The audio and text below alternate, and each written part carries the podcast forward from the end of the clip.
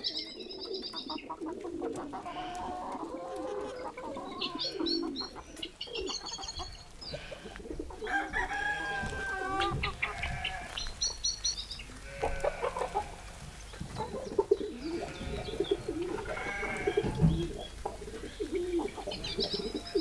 jeg skal bygge opp en kultur, så prøver jeg å starte nå på sommeren. Og så lar jeg den selvsyrne. Så tar jeg litt av det, selv om det ikke har syrna som jeg vil, etter ett døgn. Det skal egentlig være ferdig surt etter et døgn. Så tar jeg litt av det og tilsetter i ny mjølk og dyrker det. Og det, hvis det er godt, gode forhold, så går det på to-tre dager. Og så fortsetter jeg litt. Og da podier jeg ganske godt av, med den kulturen. Og da overtar den gode kulturen.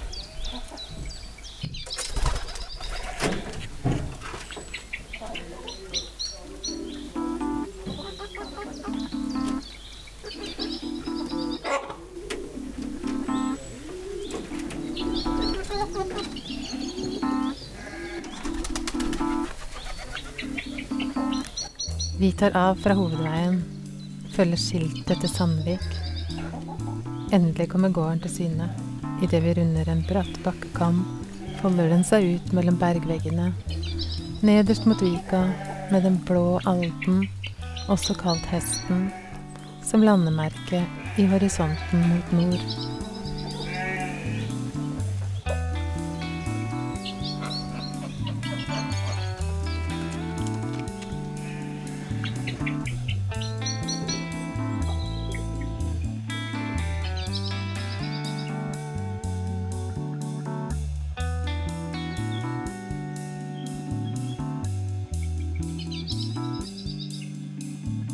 Velkommen til live radio på Kunsthuset Kabuso her i Øystese. Vi er Ingvild Færøy og Søssa Jørgensen.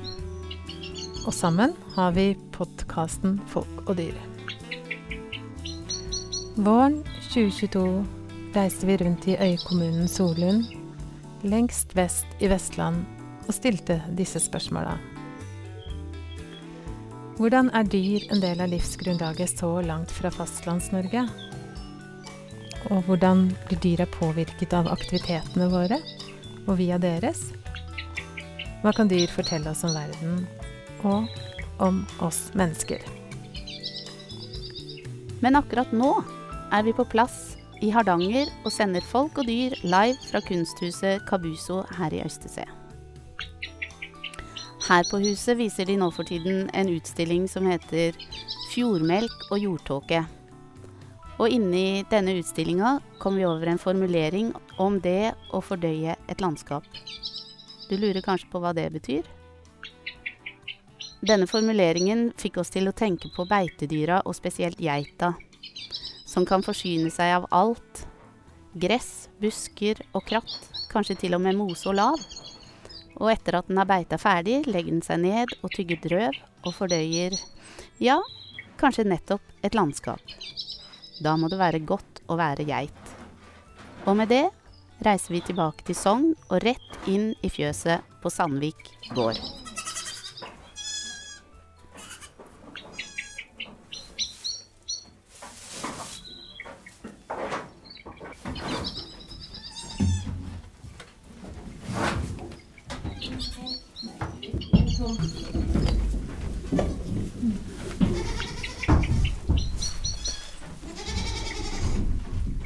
Vil du komme inn her, eller? Det går fint.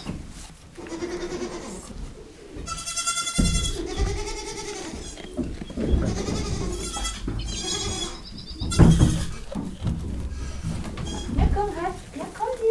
Så får du skrike. Kom. Kom igjen. Jeg kan ikke la det stå åpen.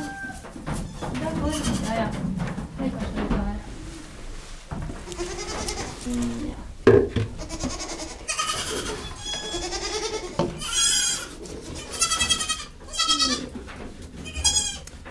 Smører du spenne? Ja, smøre med litt sånn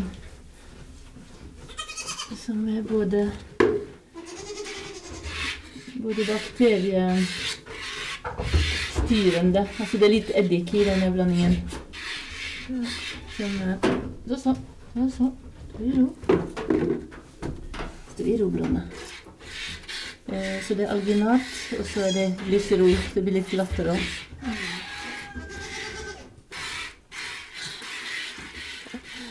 Ja, jeg heter Pascal Bodanel, og jeg er født og oppvokst i Frankrike, men flytta til Norge som 17-åring. Gikk på folkehøyskole. Først to år for sikkerhets skyld, for det var jo så kjekt. Ja, så havna jeg som budeie. Jeg kommer fra gard, så jeg var vant til dyr, så jeg ble budeie i Undredal. Sammen med to venninner jeg hadde møtt på folkehøyskole. Og litt og litt så ble vi gift med hver vår geitebonde i Vetle Undredal. Og, og bygget ysteri i lag, da. Som vi brukte 13 år på å bli godkjent av Mattilsynet. Med kamp og strev for å bli godkjent for en tradisjonsost, Underdalsosten, som er hvit og brun geitost. Og så drev jeg den gården da i 30 år.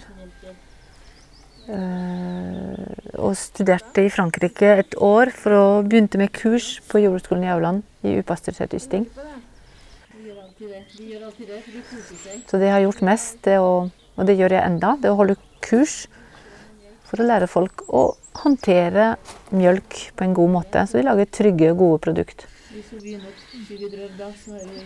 Og så slutta jeg med gard i Underdal og overlot det til min datter. Og så flytta jeg, ble skilt og flytta her til Solund, til Nils. Som også har gard, heldigvis. Så der har vi masse dyr i Sandvik.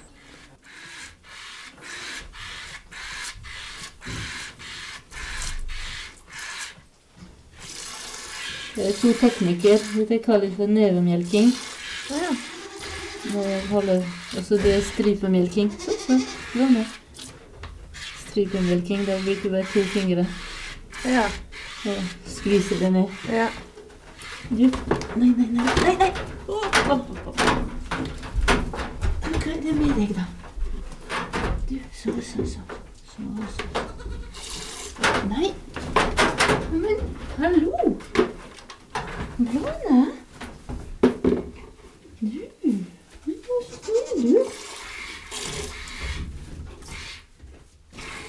Den helt ferske mjølka er jo så sunn og god. Mens det fins jo mange ulike varianter av mjølk, da. Fra pasteurisert til homogenisert, og så er det ultrapasteurisert og gammel. Han har vært først på kjøletank i så og så mange dager, og så Og den mjølka er ikke den samme som en nysilt mjølk. Verken smaksmessig eller ernæringsmessig. Men det er klart, jeg jobber med mjølk og prøver å være i balanse med bakteriene, slik at jeg hemmer de dårlige og fremmer de gode.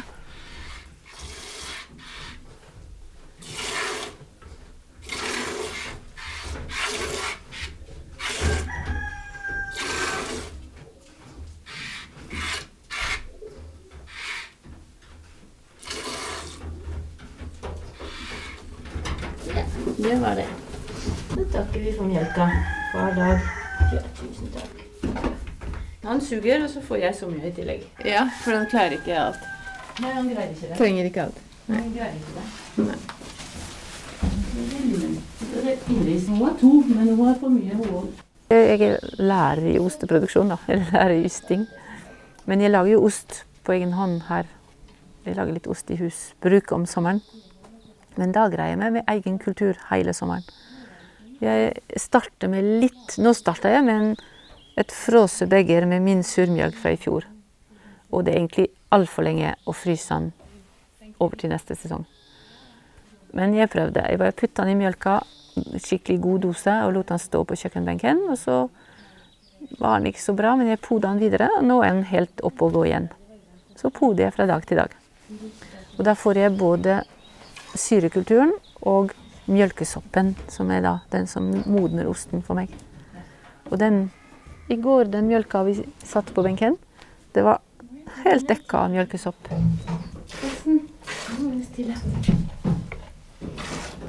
Men det kommer også kultur fra mjølka, fordi den er helt fersk. Og jeg kjøler den ikke ned. Jeg varmer den ikke. Den er helt fersk. Kultur, det er mjølkesyrebakterier som fins i naturen. De fins ikke inni mjølka, men de fins i miljøet. Så jo bedre miljø du har rundt dyra, jo finere kulturer får du i, eh, i mjølka. Mjølkesopp er helt spesielt for mjølk. Og den vokser På én dag var det nå et skikkelig lage med mjølkesopp. Den er utrolig rask. Og så verner den mot andre sopper, som vi ikke vil ha, fordi de smaker ikke godt. Og de kan så godt navnet sitt. Så, sånn har jeg lært de navnet sitt. da.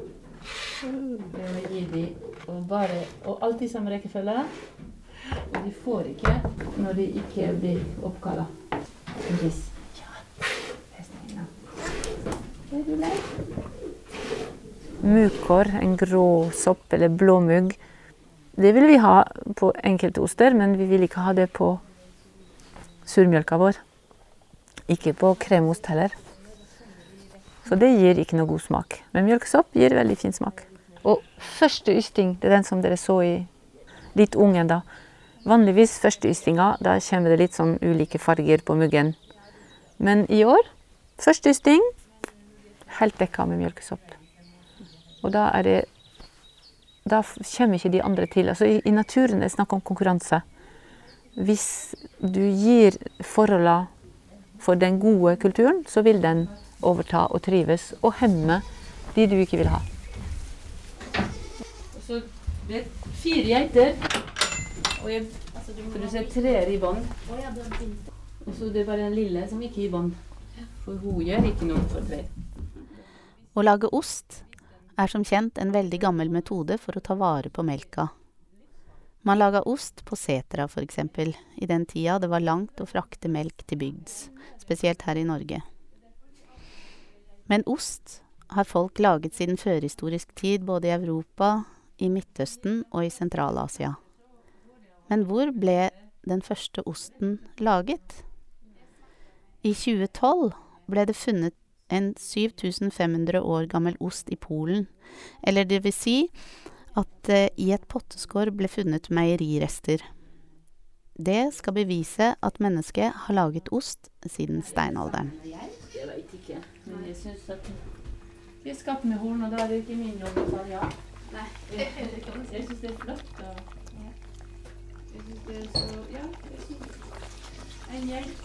Og kjøling, eksempel, som er sånn, sånn ikke brutt kjølekjeden og Kjøling er et redskap for å styre bakterier og kulturer.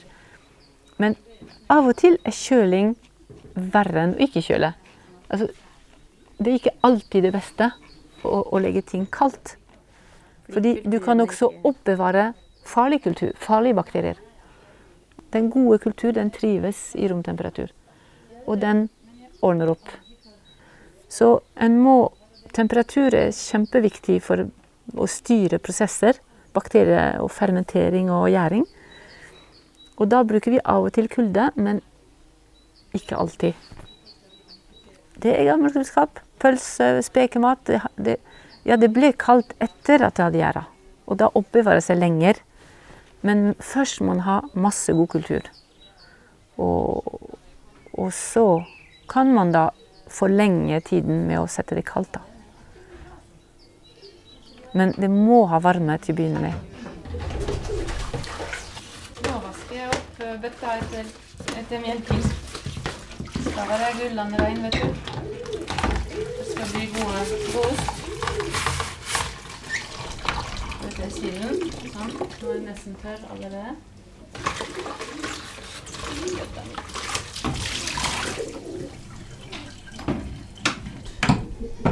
Og nå har jeg glemt de sauemjølka. Det var ikke mye, men det er ikke jobb. En dråpe til Kera. Mm, det er så søtt. Det er kokost, da. Vi har den skitne og reine. Andre ting. i Frankrike der er de veldig mye smartere, syns jeg, også i industrien. Fordi de lager ostene av helt fersk mjølk rundt omkring. Og, og så har de da samvirkeforetak for å lagre osten. Så da istedenfor å frakte mjølk, så frakter de ost. Forholdsvis ferske oster. De, og de har felles lager og felles salg, som er veldig mye arbeid. Eh, I Pyreneene f.eks. For, eksempel, for Pyreneost. det- De har sånne samvirke rundt lagring og salg. Men ostene er laga rundt omkring der mjølka blir mjølka. Og Roquefort gjør det sånn òg. Roquefort er laga på dagfersk mjølk fordi det er en upasteurisert ost, og det må være helt fersk. Så da lager de De kaller de for brødene, den umodna roquefort-osten. De liksom yster den rundt omkring, og så frakter de ostene til rockefòr, modningskjellerne, og der blir den solgt fra også. Så hvis de, vi går den veien, Ja. og så går vi ut på den grønne enga, og der får de en Ja. liten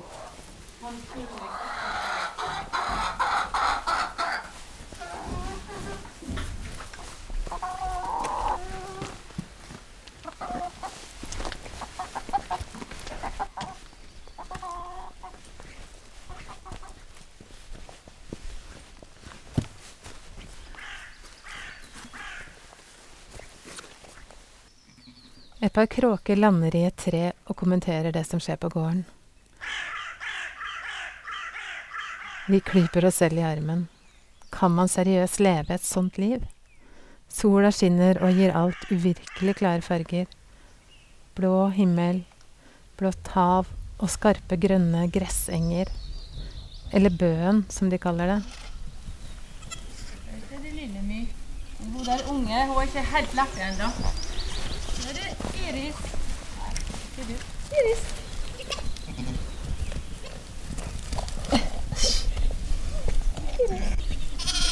Iris. Sånn, ja. Blåne. Blåne. Blåne. Så er det May-Lill. Kom on, May-Lill. May-Lill. Hei, May-Lill.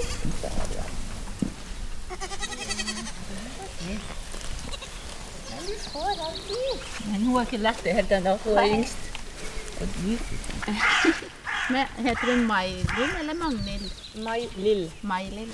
Hun er datter av Lille My, som gikk inn igjen for å hete høy. For det, det der grønne gresset, det er kjedelig. Å ja. Det er rare, rare geiter, altså. Nei, du har fått en gang, så er det slutt. Ja. Det har ikke du lært helt ennå heller. Det Hun har lukler og horn. Ja. Hun er ny av året. Når er hun født? Ja. Når ble hun født? Født i fjor på samme på Ja. i meg. Hun er ett år. May-Lill. Ja. Datter av Lille My. Dere du la sauene være i fred. Ja. Kera, kom. Kom her. Kom leke med kyllingene. Ja, du skal de går inn igjen. Nei, gikk alle inn. Alle gikk inn. Alle gikk inn. Men eh, det, det, for å få Vi tar sånn selvsyrningsprøve for å se hva slags kultur og liv vi har i mjølka. Og det vil si vi tar bare nysilt fersk mjølk og setter den i en lun plass og ser hva som skjer med den. Hvor, hva som vokser. Og det er på sommeren du får de fineste, det fineste resultatet.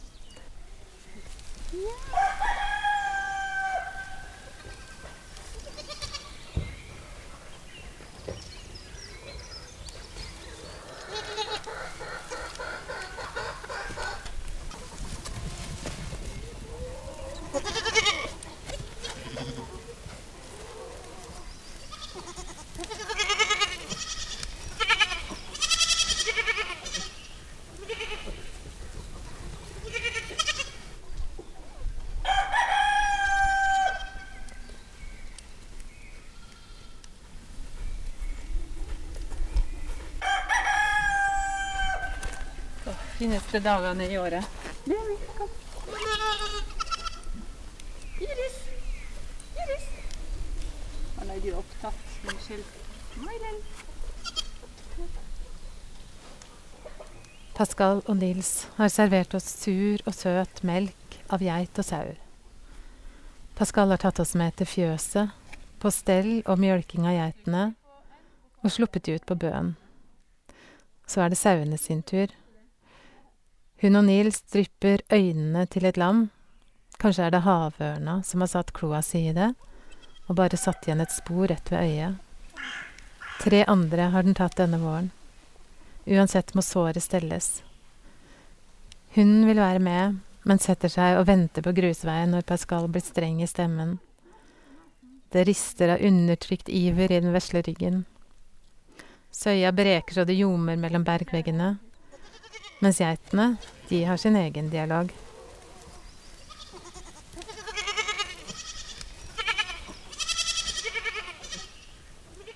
Men går beite og Nei, det stopper her oppe i ja. Lilla mi. Kom, Lilla mi. Oh, det går det å vente på. Nærmer det seg. Ja, det var litt Ja, nå nå syns jeg jura har vokst de siste dagene. ja. Men begynner den også å åpne seg litt bak, eller er det ikke? Nei, men den blir løs, ja. Mm. Hun blir, blir litt hovne, ja. og så løse over halen. Vralter litt. Ja. Jeg tror nok hun er to. Jeg vil helst bare ha én, men Mm. fordi når det er to, så er de små. Så tar de mer mjølk. Så de andre er tre uker gamle? Er? Eller? Ja, de er fra Ja, det blir det. Hvor eh, gamle kan lamma være? Eller det heter ikke lam, skje? Se, killingen. Når de kommer når dere tar de, For de skal ut på øyene, de òg? Eller? De skal ut på, På Holmøy? på en øy. Ja. Ja, men de er med mora ja da, det skjønner jeg. hele Mm. tida. Men jeg setter de ut på en øy når jeg er lei av mjølka. Sånn Ja. i slutten av august en gang. Så de er her til da. Så først så prøvde vi å ha de så de kunne gå og beite hvor de ville, men de var inne i hagen hele tida. Ja. Og vi, etter at Nils hadde brukt 14 dager på å prøve å tette gjerder, og de bare fant et nytt hull rett etterpå, så satt vi på en øy og så samla oss. Det var liksom enten geitene eller Ja, det var litt krise. Men så fant vi på det systemet der, da. At de, de går på innmark. Dette er ikke noe ideelt geitebeite. Nei. Men de får høy om natta. Eget høy. Men det er for uh, kraftig kost for geit? Nei, men de, de syns det er kjedelig. Ja, de- vil etter busker og Ja. Så jeg tar de med når jeg har tid, så tar jeg de med på tur og drar ut i marka. Og, så de får ete litt buskast. Så jeg skulle ønske jeg hadde en sånn GPS-sender på de, så jeg kunne se hvor de var. Men jeg prøvde den i fjor, men den sendte ingenting. Jeg prøvde to ganger. Jeg fikk ikke noe. Det beste miljøet er beite. At de er ute på beiting. Ja. Og så må det være rent i fjøset. Nils og Pascal har duer også, som smykker under himmelen, sier Nils. De beveger seg hurtig i flokk, men likevel med individuelle vingeslag, seilende, dansende, med vingene opp i en V, lysebrune og hvite, sorte. Kriser og utfordringer glemmes for et øyeblikk. Duene er livskunstnere, akkurat som geitene og kanskje også menneskene deres.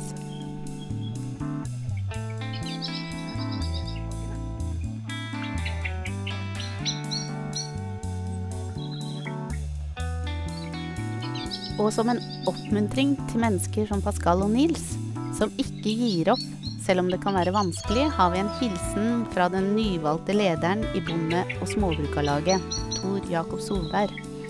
Og hør hva han sier. Ingenting er mer framtidsrettet enn de som klarer å foredle produkter som er dyrket i et lokalt kretsløp. Det er helhet, beredskap og matkultur i én og samme tanke og gjerning. Så stå på. Vi trenger dere og hverandre. Og har du lyst til å høre denne podkasten om igjen, eller flere av våre podkaster, så søk på Folk og dyr der du vanligvis finner podkaster. Eller om du skulle komme forbi kunsthuset her i Øystese, kan du lytte ved veggen på Kabuso.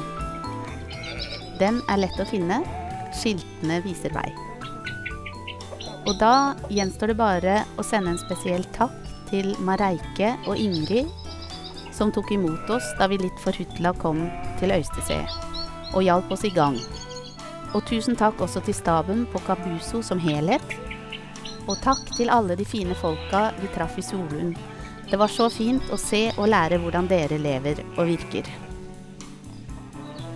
Det som muliggjorde reisene til Solund og Hardanger og vår produksjon, var støtte fra Norsk kulturråd, Billedkunstnernes vederlagsfond og kunstnersentrene i Norge.